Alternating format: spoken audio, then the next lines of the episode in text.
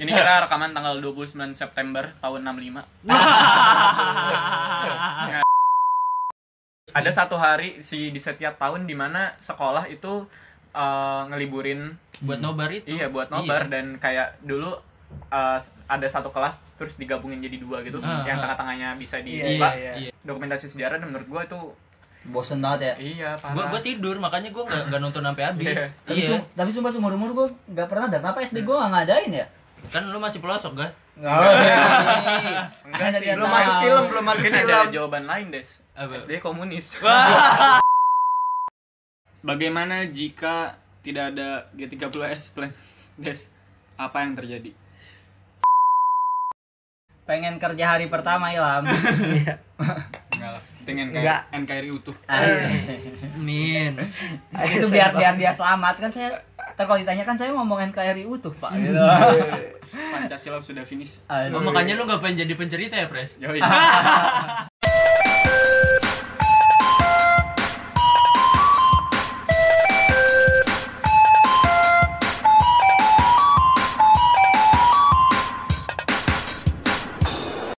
Selamat datang di Mapaba, mari pada baca. Wih. Ini adalah episode kita yang terbaru.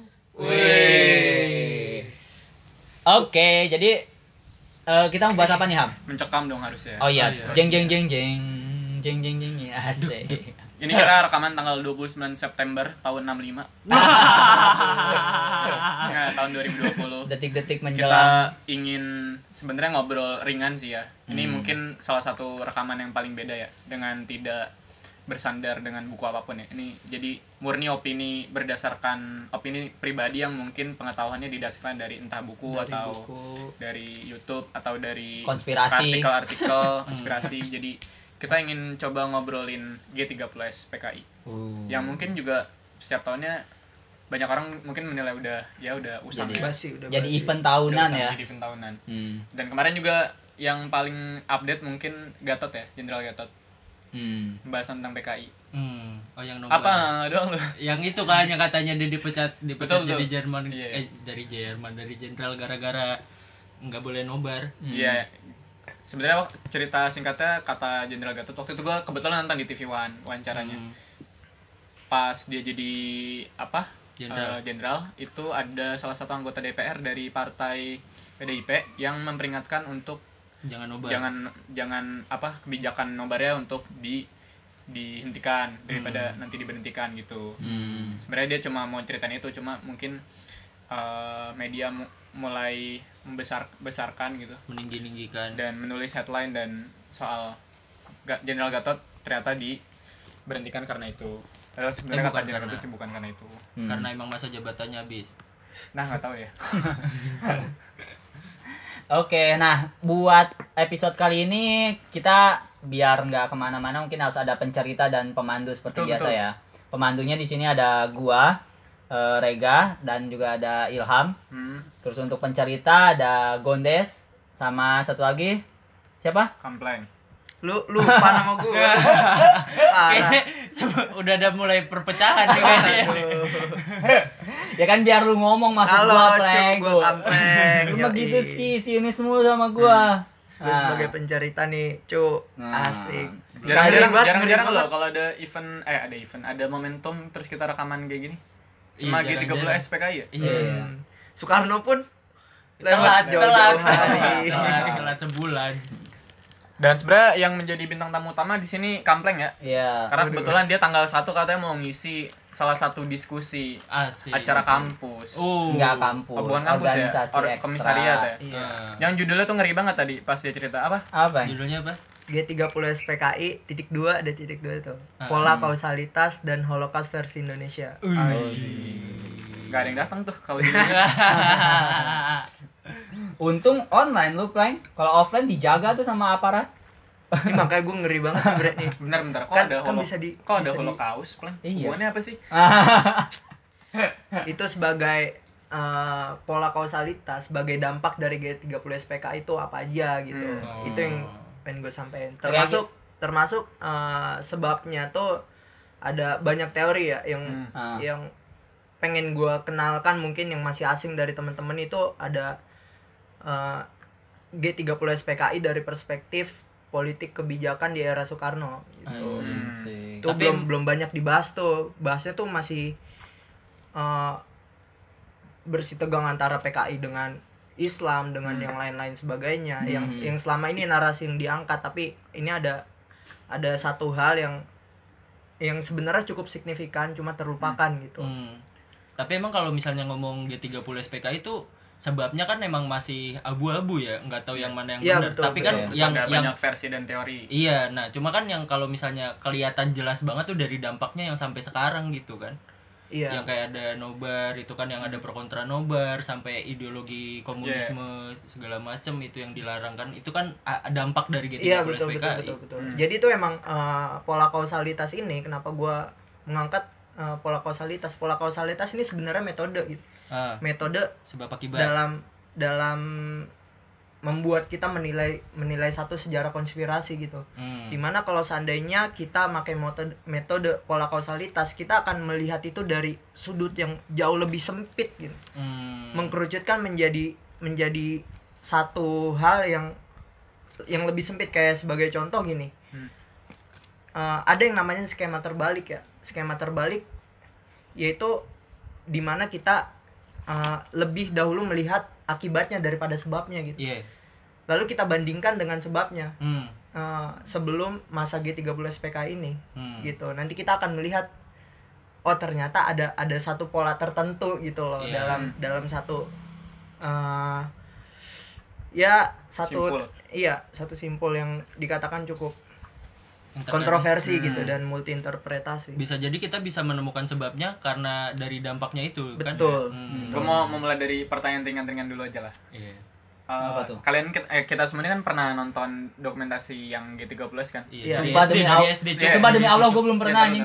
pertanyaan pertanyaan gue menurut lu filmnya gimana bosenin banget gak sih Gua nggak nggak nonton habis sih. gue nonton habis dulu pas gue inget banget dulu karena pertama kali nonton itu SD ya Iya, SD, terus juga SD. ada satu hari si di setiap tahun di mana sekolah itu eh, ngeliburin buat nobar itu. iya buat nobar Iya. dan kayak dulu eh, ada satu kelas terus digabungin jadi dua gitu Ah, yang ah. tengah-tengahnya bisa Iya, dibuka iya, iya. terus iya. Terus nonton itu dan lu deh. bayangin SD ya kan dikasih salah dikasih apa sajian visual yang enggak terlalu berwarna banget ya kan terus kayak dokumentasi sejarah dan menurut gua itu Bosen banget ya. iya Gua parah gua tidur makanya gua nggak nggak nonton sampai habis. Iya. Tapi, Iya. sum- tapi sumpah seumur umur gue gak pernah dan apa SD gue gak ngadain ya? Kan lu masih pelosok, ga? Enggak sih, belum masuk film, belum masuk mungkin film. ada jawaban lain des Apa? SD komunis Mungkin kali aja SD gue udah keren banget. ya, Belum ada proyektor kali. Oh iya ada. aku dulu pakai proyektor SD gue gak Eh, pernah. emang anjing. dulu pakai proyektor apa? gue pakai proyektor cuy Eh, eh, iya, bukan proyektor Kagak apa bukan bukan ini bego. yang film itu, Layar tancap. Iya, layar tancap.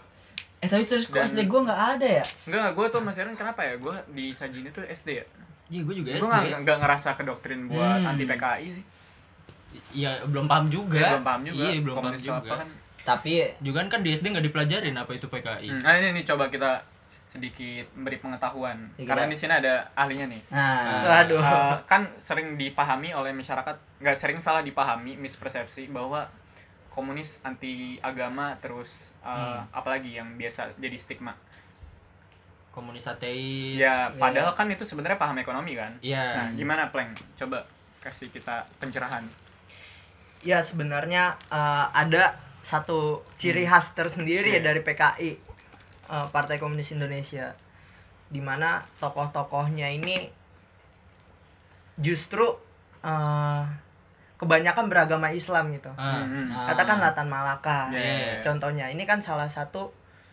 jenderal PKI terkemuka gitu di Hmm. mata dunia gitu. Pe- Yang pemikiran-pemikirannya itu mampu mengubah Hmm.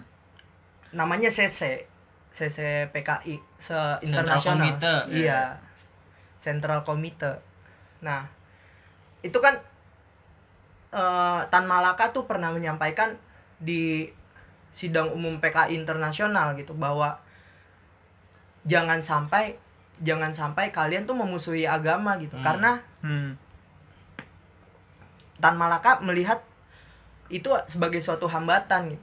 seharusnya agama tuh justru dirangkul gitu Iya. karena emang memiliki jiwa yang sama iya semangat yang sama betul gitu karena Tan Malaka berpandangan tidak ada yang lebih sosialisme dibanding Islam waktu itu. Ya, Hmm. pernah baca ya jadi emang eh, Tan Malaka ini ya bisa gue bilang ya pemikirannya tuh selalu mela- melalui proses dialektis sebelum sampai pada satu kesimpulan gitu. Di mana hal itu membawa Tan Malaka berpikir jauh lebih visioner dibanding tokoh-tokoh lainnya gitu.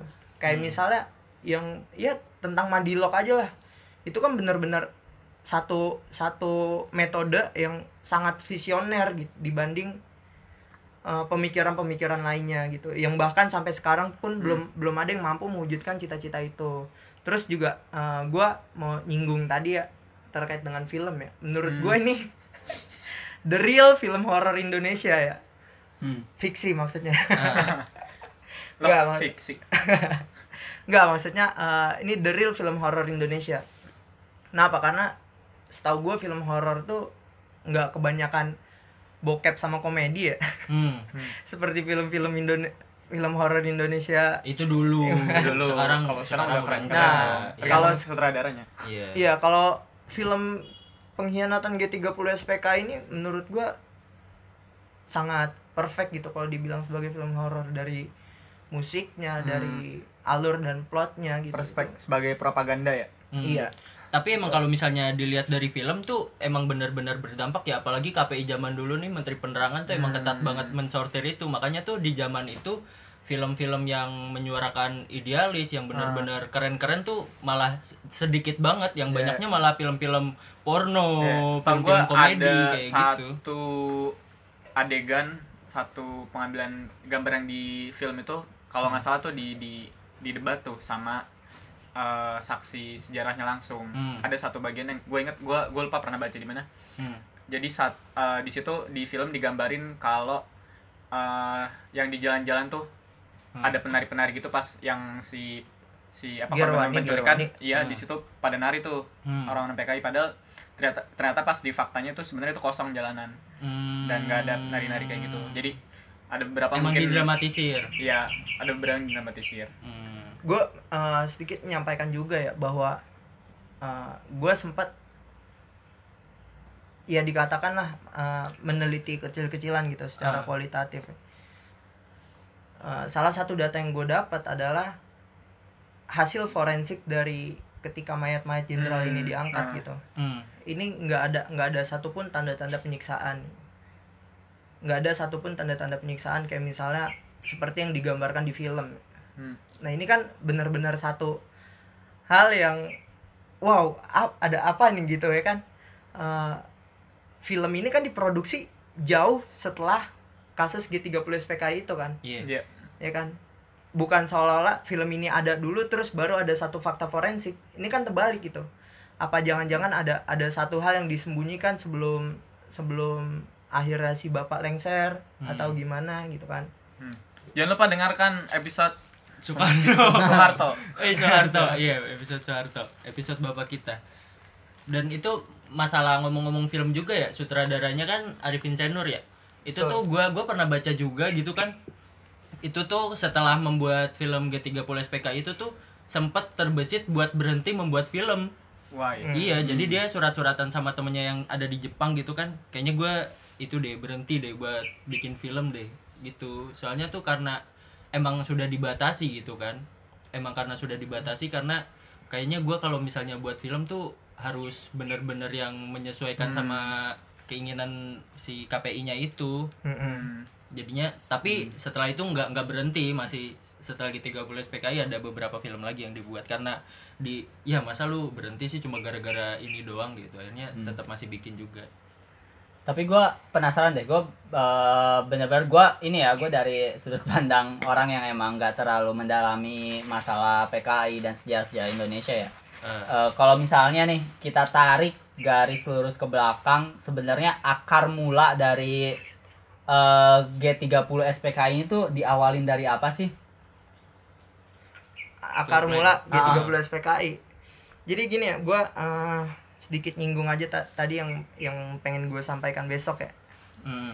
Ya kan terkait dengan Widih, banyak banget nih catatan Ah, iya dengan ditulis di medium cuk apa politik kebijakan luar negerinya Bung Karno Hmm. jadi emang uh, pertama gue mau menyampaikan dulu bahwa ini tuh menurut gue dari sudut pandang gue ini bukan peperangan politik Hmm. tapi lebih kepada ideologi kenapa karena dari sudut dari sudut pandang kepentingan politik uh, daerah-daerah yang menjadi korban kayak umpama Bali itu secara strategis nggak mempengaruhi pergulatan politik di Indonesia karena Jawa adalah kunci ya iya karena Jawa adalah kunci tapi udah katanya di film tuh Iya, tapi tapi waktu itu yang yang benar-benar eh, mengalami pembantaian secara masif kan di Bali. Jadi menurut gue ini terlepas dari orang politik gitu. Justru ideologi. Hmm. Kenapa? Karena ini bersangkut paut dengan blok barat dan blok timur juga. Oh, jauh lagi- sih, lagi agak masanya jauh perang gitu. dingin ya Iya, Di- ada masanya perang dingin ya kan. Jadi eh, setelah perang dunia 2 emang dunia tuh belum benar-benar rehat dari peperangan gitu. Masuki perang dingin sampai sampai akhirnya muncullah satu satu gerakan baru di bawah Bung Karno. Hmm.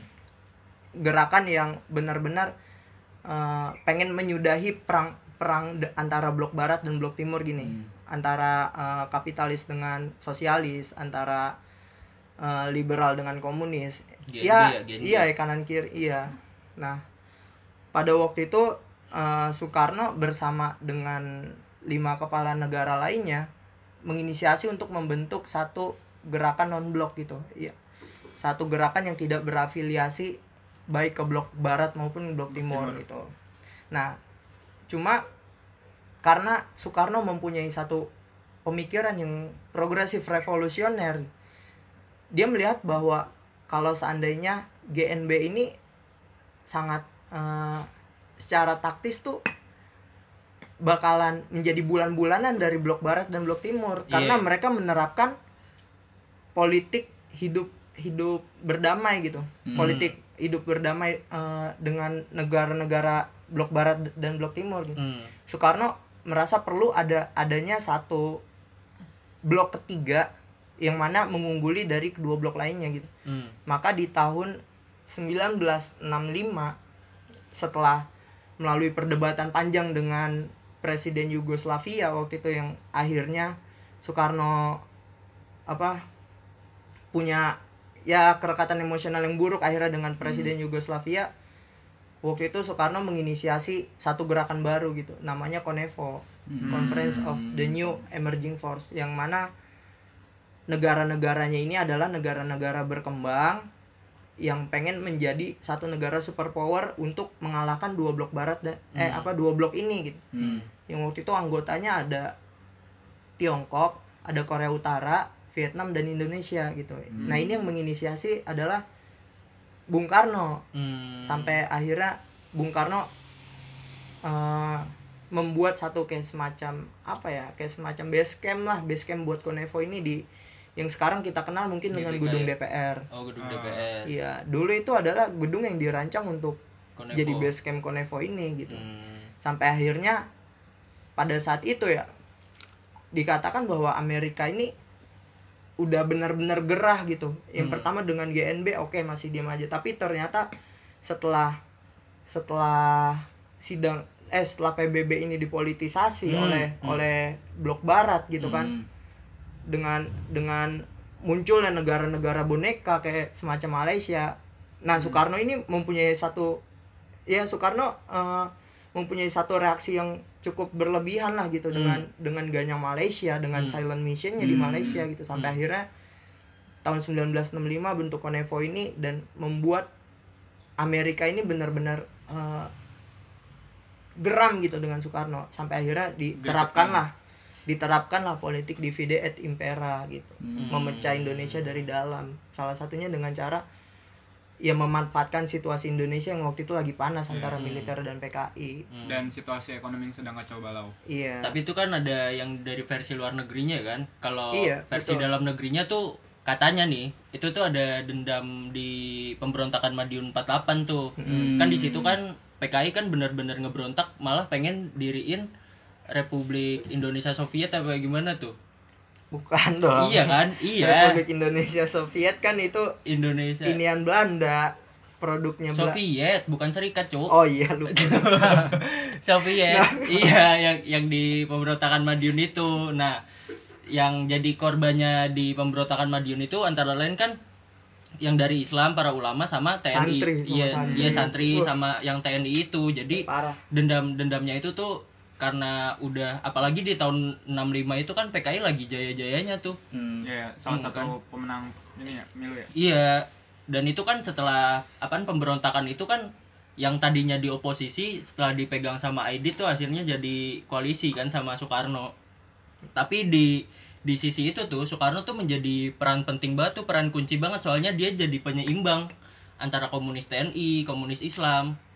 Jadi ya tokoh-tokohnya itu si Soekarno yang orang dipercaya dari dua dua kutub ini. nah Tapi Iya. kan lu tadi bahas yang lokal des Hmm. sama sama kampleng juga tadi sempat bahas sedikit Eh, lu setuju nggak berdua kalau misalnya bisa dibilang juga itu perebutan kekuasaan antara militer dan komunis bisa jadi sih cuma kalau misalnya gua gua belum tahu belum tahu kenapa kenapa di TNI pengen berkuasa ya? Gua gua belum belum belum punya landasan utama kenapa TNI pengen berkuasa saat itu.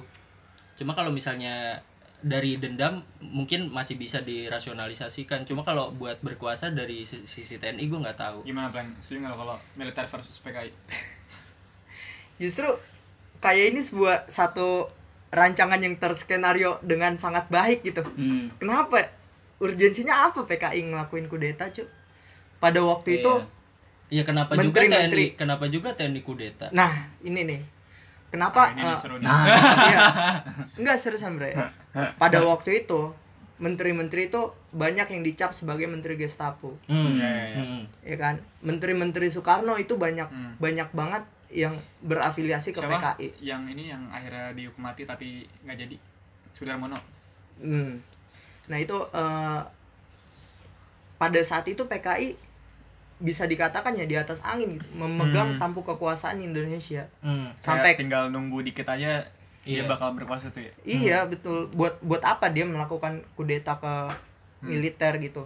Nggak ada nggak ada nggak ada urgensinya. G30 SPKI ini kalau gue lihat eh, bukan bukan gue membela membela PKI ya, tapi gue berusaha semaksimal mungkin untuk eh, melihat satu objektivitas Hmm. fakta di lapangan gitu. Hmm. Nggak ada urgensi buat buat orang-orang PKI ini melakukan gerakan eh, 30S ini gitu Ta- untuk Tapi untuk untuk ap- untuk menguasai pemerintahan karena secara nggak langsung juga Soekarno udah pindah haluan ke kiri dan udah dimusuhin dunia juga Hmm. gitu kan dan emang udah kebijakannya tuh selalu berpihak kepada orang-orang kiri Iya. lah terus buat apa dia melakukan kudeta gitu kan Ada, Ada- ada, ada ada, satu- alasan, ada alasannya, Pleng. gue Eh, nyambung ya kampleng tadi buat apa dan soal urgensi ya Hmm.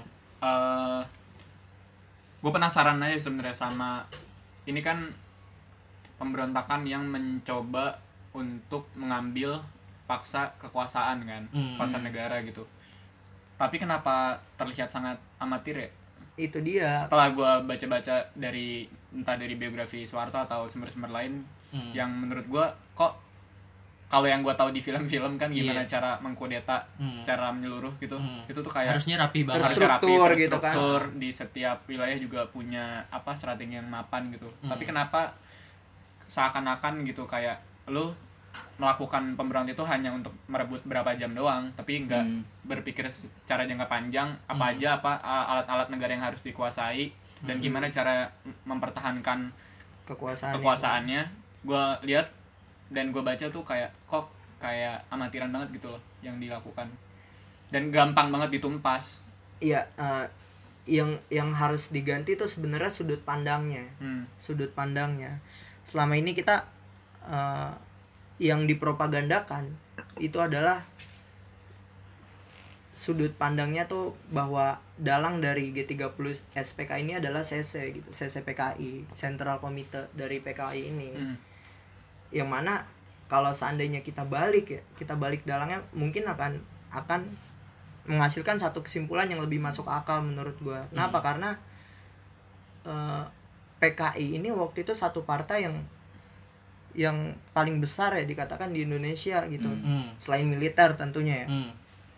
karena kan militer bukan partai jatuhnya Hmm. tapi perangkat negara nah PKI ini Selain NU lah ya. Hmm. iya NU belum masif dong Oh, gitu. ini ya gabungan dulu masih. Mas Mas Yumi. Yumi, Mas Yumi. Mas Yumi. Iya, nah PKI waktu itu partai yang benar-benar mempunyai satu jumlah yang sangat besar gitu kan. Kalau seandainya emang emang ya dalang dari G30S PKI ini adalah sentral komite dari daripada PKI itu sendiri, tentu pergerakan akan jauh lebih masif gitu. Akan jauh lebih masif kayak misalnya bisa aja mereka mengumpulkan anggota dan kadernya untuk merebus pos-pos strategis Hmm. dari di seluruh Indonesia gitu bukan hanya di yang terpusat di Jakarta aja Hmm. kan larinya waktu itu kalau nggak salah ke RRI Iya, iya. ya kan Yang nguasai. merebut merebut Iya. itu doang Ah. ya kan ya. iya Ah. dan itu menurut gua untuk partai sebesar PKI Hmm. untuk ya kalau seandainya sekarang apa yang paling besar partai yang paling besar PDI. PDI. Iya, misal PDI melakukan hal-hal kayak gitu menurut gue itu sangat konyol gitu kan. Hmm. Iya. Lain hal kalau seandainya kita mengubah satu perspektif, Hmm. mengubah pandangannya ini gimana kalau seandainya kita eh, memindahkan memindahkan apa ya? sentral dari fokus kita terhadap fenomena ini gitu. tapi gue punya pendapat lain sih terkait apa dalam dalam dibaliknya itu bukan PKI soalnya tuh terlepas terlepas dari dia di atas angin dari misalnya dari segi kekuasaannya itu emang di atas angin dan berkuasa banget cuma kenapa di di waktu itu PKI mengusulkan ada angkatan kelima gitu buru buru dan tani di, disenjatakan kalau misalnya emang di atas angin kenapa harus dipersenjatakan pleng itu kan ken- udah ada TNI nih, udah ada Ah. TNI. Kenapa harus buruh dan tani itu dipersenjatakan gitu? Bukankah itu kan bisa jadi nih suatu cara buat buat kup kan? Ketika buruh dan tani udah dipersenjatakan bisa aja ngelawan ngelawan Tadi TNI kan? buku Soeharto tuh. Kata Soeharto kalau misalnya rancangan dan rencana dikabulkan mungkin akan lebih banyak bencana. Iya kan? Iya. Bisa bisa jadi pleng. Iya karena Nah, kalau misalnya dari rencananya yang semalam itu, gerakan 30 SPKI-nya itu, nah di situ tuh gue masih kenapa kenapa itu sedangkan si angkatan kelimanya ini tuh belum belum jadi gitu. ya eh, pertama kita melihat pergolakan politik yang ada di Indonesia pada saat itu ya bang ya Hmm. dan eh, waktu itu belum didominasi oleh satu dua partai gitu Hmm. sama kondisinya waktu itu hampir sama kayak eh, Jerman pada setelah setelah Perang Dunia Pertama gitu Hmm. di mana fraksi politik ini terbagi menjadi puluhan fraksi Iya, yang terbagi menjadi Iya. tiga golongan sayap Hmm. kayak gitu kan nah hal yang sama kenapa eh, waktu itu SA bisa dipersenjatakan gitu kan. Iya. padahal dia sa- hanya salah satu fraksi partai politik gitu Hmm. kan. Kenapa dia dipersenjatakan se- sementara yang lain tuh enggak Hmm. gitu kan. Nah eh, terkait dengan dengan itu ya sebenarnya. Gue belum belum belum baca tuh yang apa tuh? Yang kelima itu. Angkatan kelima. angkatan kelima. Gue juga nggak nggak baca terkait dengan Soeharto. Cuma gue cuma bisa ngasih dari perspektif pergolakan politik yang ada gitu Hmm. karena emang di di satu sisi gue punya anggapan gue punya anggapan bahwa kalau seandainya nggak ada nggak ada ini kan gue bilang skenario terkhusus ya ya Hmm. gue uh, secara langsung gue menuju ini kepada militer gitu kan Hmm. kalaupun seandainya militer nggak nggak merancang satu skenario khusus ini gue yakin juga kondisinya bakalan sama aja gitu hanya kita memilih pihak aja gitu kalau seandainya eh, skenario nya berakhir pada ke- kekuasaan militer kan Hmm. terbentuknya orde baru Iya. sementara kalau seandainya eh, nggak ada skenario seperti ini mungkin pada Versi saat PKI. itu ya sama aja gitu Hmm. kan orde baru cuma versi PKI gitu Hmm, yang hmm. yang gua anggap mungkin Iya. bisa lebih lebih kacau juga Ah, gitu ah. karena emang di dari mulai tahun 1963 itu Soekarno dan ideologi Nasakomnya ini udah mulai terdesak gitu Hmm. udah mulai terdesak maka terjadilah pergolakan politik yang cukup panas mulai Hmm. dari tahun itu sampai tahun puncaknya tahun 6566 Iya. Dan Kayak gitu. gua gua pengen ngejawab juga sih yang pertanyaannya Ilham Pres yang terkait yang pas malam G30 SPK itu nggak rapih banget tapi Hmm. gua gua ngelihatnya di situ tuh malah rapi banget karena oke lah ketika malam itu emang nggak rapi cuma tuh dampaknya tuh bener-bener terstruktur dan masif banget cuy. Ketika apa yang kata lu holokasnya itu itu kan bukannya dampaknya dari G30 SPK itu yang katanya tidak rapi itu cuma kan dampaknya itu bener-bener rapi banget cuy. Apa tuh? Maksudnya? dampaknya? Iya yang apa ideologi komunis di itu banyak pembantaian si enggak maksud Nggak, gua gini maksud nggak rapi itu dari sudut pandang Enggak, PKI-nya enggak, gini gitu Des, loh. maksud gua ketika ada satu kelompok atau satu tokoh yang ingin melakukan coup, Hmm. tujuannya adalah merebut kekuasaan dan mempertahankan kan. Hmm. Dari sejarah-sejarah negara yang telah mel- melakukan coup baik jenderal militernya itu selalu uh, bisa menum- bisa menguasai sendi-sendi dan kunci yang penting gitu loh kayak membunuh membunuh tokoh siapa terus Iya. gimana cara mempertahankannya Hmm. merubah peraturan apa nah Oh, yang kalau di, di situ tuh di situ nggak tuh nggak ada cara mempertahankannya. Bisa ngerebut ya udah bisa berapa jam doang tapi Hmm. gampang banget dibalikinnya dan terlalu beresiko besar gitu padahal yang tadi Kamleng Hmm. bilang posisinya di di era itu lagi jaya-jayanya lagi naik-naiknya kenapa Hmm. nggak sabar kenapa harus membuat tindakan konyol gitu dengan mencoba melakukan coup Hmm. Tapi eh gue mau nanya deh. Jadi eh, tadi kan eh, dibilang bahwa ya PKI itu merencanakan coup ya. Hmm. Sebenarnya goal goals dari PKI melakukan coup itu apa sih? Ya jadi presiden berkuasa seutuhnya. ya kalau coup ya kudeta Iya. Iya maksud gua, iya mak- maksud gua tuh adalah yang yang ya. yang yang yang mau dinaikinnya tuh kayak gimana gitu. Dia tuh kan misalnya contohnya ya Hmm, PKI misalnya ngerti, tak tak tak tak dia ngambil gua jawab sederhana ya ngambil kekuasaan. Terus setelah itu nggak apa-apa Ya mungkin bisa jadi dia jadi ke blok timur. maksudnya pasti ada ada Nah, ide kan- besar dong ya kan, kan, da- dari sebuah eh, Eh, apa semuanya berawal dari penemuan dokumen Wan Jakti itu Hmm. yang berisi eh, nama-nama iya, itu Iya. berisi bahwa akan ada pemberontakan dari militer, dari jenderal-jenderal mau ngerebut kekuasaan. Nah, PKI itu mencoba menggagalkan itu sebetulnya. Padahal Hmm. sebenarnya itu cuma salah paham. Entah salah paham atau emang settingannya seperti yang itu ya. katanya itu ya Dari Amerika. Abdul Haris Nasution Iya. ya. Iya, nah itu maksud gua tuh ya emang gua juga sempat dengar tuh yang katanya Gilchrist. emang Hmm. mau mau apa ngeruntuhin kekuasaan Soekarno kan Hmm. di militer itu makanya akhirnya PKI ngambil tindakan sebagai salah satu Hmm. kan katanya PKI juga sempat ngasih pesan ke Soekarno juga kan Iya.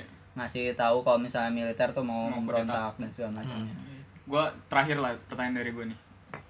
Enggak mas, gue masih ada satu lagi bre. Boleh. Oh iya ada lagi. Ya gue jadi Ini gua yang terakhir lah. yang katanya ini bre, sebenarnya gue sempat baca ya salah satu buku yang eh, bahas PKI lah. Ini ngebahas soal si Syam Syam Kamaruzaman kan. satu Eh, tokoh betul, kunci itu Ah, katanya tak gua, gua judul bukunya tuh siapa itu Syam eh, to- dalang di balik G30 SPKI kan si Syam itu. Nah sebenarnya itu gua nggak baca nyampe kelar sih makanya gua pengen nanya nih. Sebenarnya Syam Kamaruzaman tuh siapa sih dari sudut pandang mana pun? Sebenarnya siapa sih dia itu? Gue gue nggak tahu gue.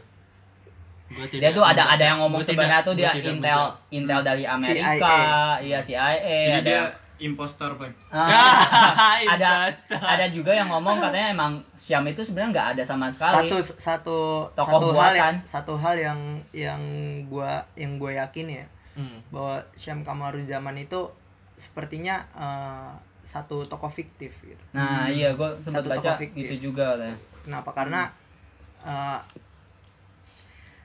Karena apa? menurut gua nggak nggak nggak logis aja gitu kan di di lapangan Syam Kamaruzaman ini eh, di di label di labelingnya itu sebagai Sentral. sebagai Krusial. tokoh PKI. Hmm. Syam Kamaruzaman kan tokoh PKI tuh. Nah, sementara di di satu perspektif lain yang pada saat itu Amerika eh, benar-benar mengakui bahwa dia tuh mempunyai keterlibatan secara langsung terhadap G30 SPKI di Indonesia pernah kan kalau nggak salah tuh nah itu menurut gua ada ada ada satu hal satu skenario baru gitu terkait dengan munculnya satu tokoh fiktif ini gitu Hmm. bisa aja Syam Kamaruzaman ini di di labelin kepada orang yang namanya Subandrio atau siapa gitu kan mungkin bisa aja gitu kan Templeng. iya Raffi. Nggak. Oh iya. Jangan, Raffi. jangan pakai nama samaran Oh dong. iya, Raffi Aula Ilmi. bangsat Iya. ada Atau Rahmat Hidayatullah.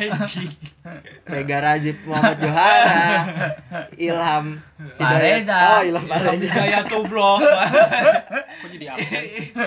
Itu daya Nggak. Ilham Hidayat tublok. Iya jadi Syam Kamaruzaman ini masih belum jelas eksistensinya ya. Hmm. Menurut gua menurut gua dugaan gua ya dan insting gua sebenarnya ini satu tokoh fiktif gitu yang diciptakan sebagai kambing hitam Ah. Ini kalau gitu. lu Padahal- impostor pakai insting langsung di-kick biasanya. Jadi siapa nih impostornya nih? Impostornya siapa, Pleng?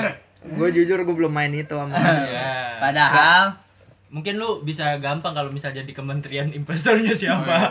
Terakhir terakhir nih dari gue nih. Ntar dulu ini tadi padahal Padahal Oh. Padahal Lanjut lanjut. aduh gue lupa kan lu kambing jadi hitam, kambing hitam. Impostor. Kambing iya impostor. jadi tuh eh, sebenarnya Syam Kamaruzaman tadi gue gue ulang dikit ya ini tuh masih belum jelas eksistensinya Hmm. ya kan jadi dia tuh diciptakan hanya untuk sebagai kambing hitam lah kalau menurut gue. Padahal pada pada saat itu ya emang ya yang gue yakini yang gue yakini kenapa gue bilang Syam Kamaruzaman itu tokoh tokoh fiktif pada saat itu Amerika kan benar-benar menyatakan keterlibatannya gitu terhadap iya. terhadap Hmm. G30 Ah, SPKI. Hah. Udah jelas ya Itu udah terang-terangan Dokumennya udah ada. Iya, dokumennya udah ada gitu kan sebagai eh, kalau dikaitin lagi sebagai eh, langkah untuk mematikan Soekarno di kancah Internasional, internasional ya. kan sebenarnya.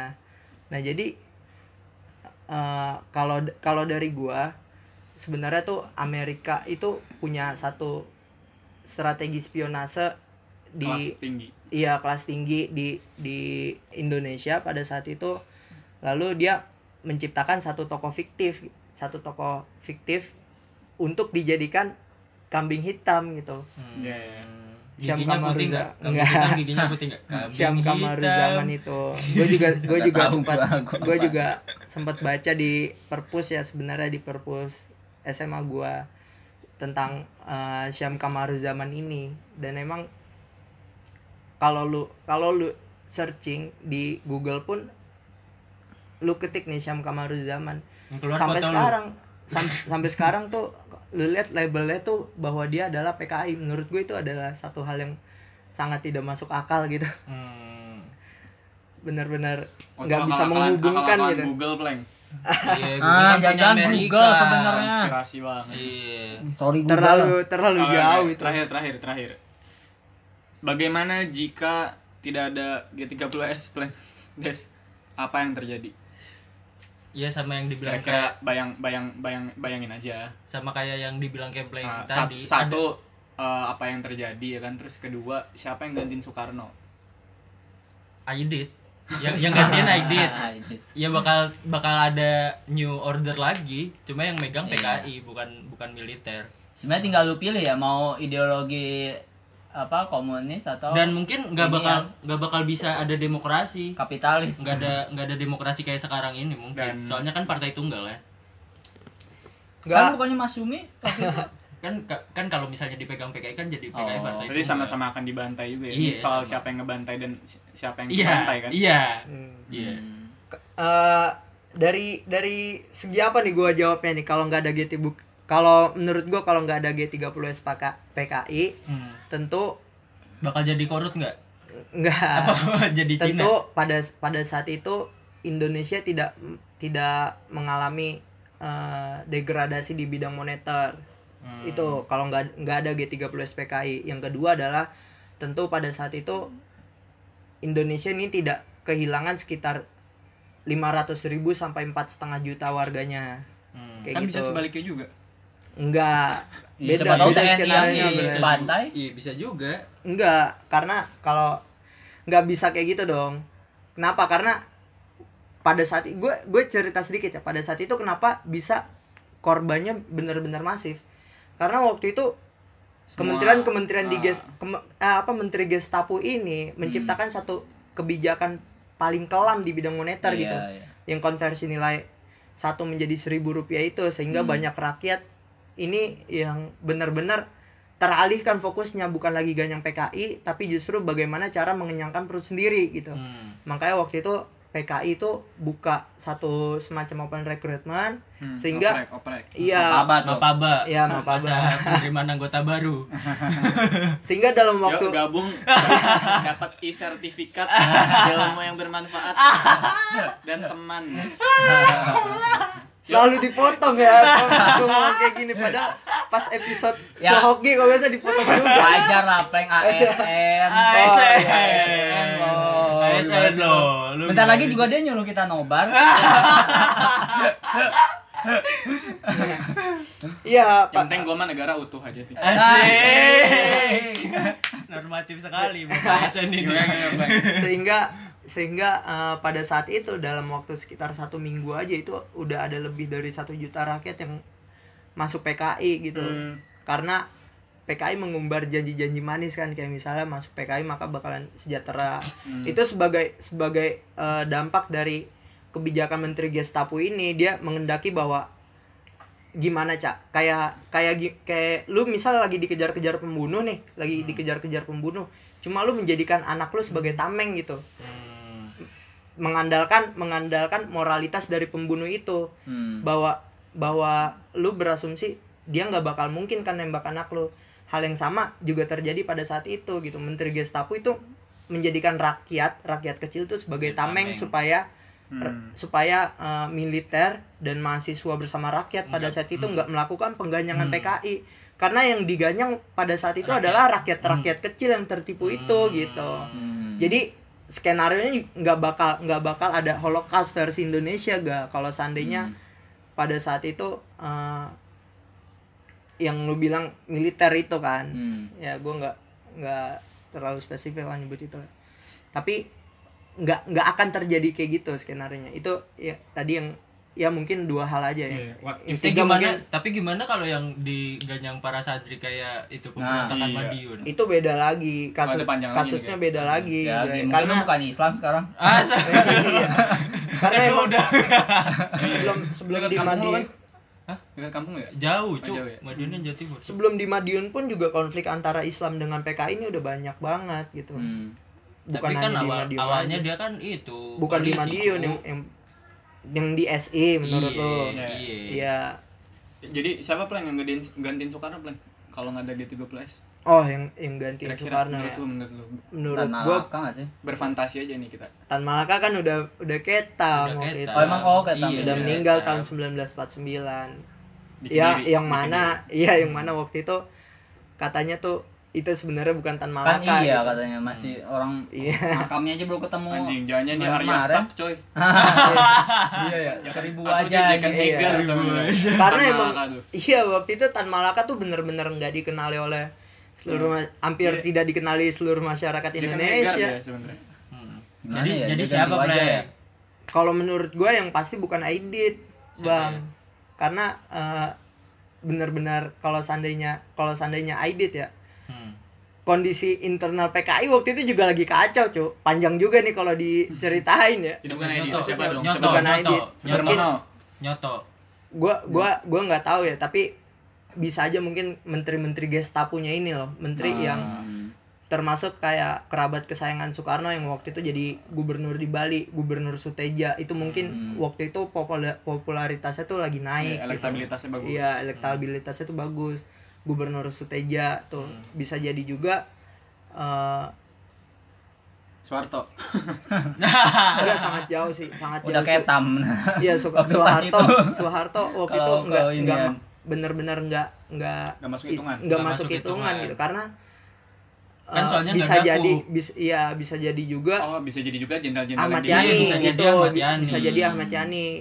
Jadi ketika semuanya nggak ada baru Soeharto masuk hitungan. Iya. Iya. Ya. Kok lu mancing-mancing sih. Pres?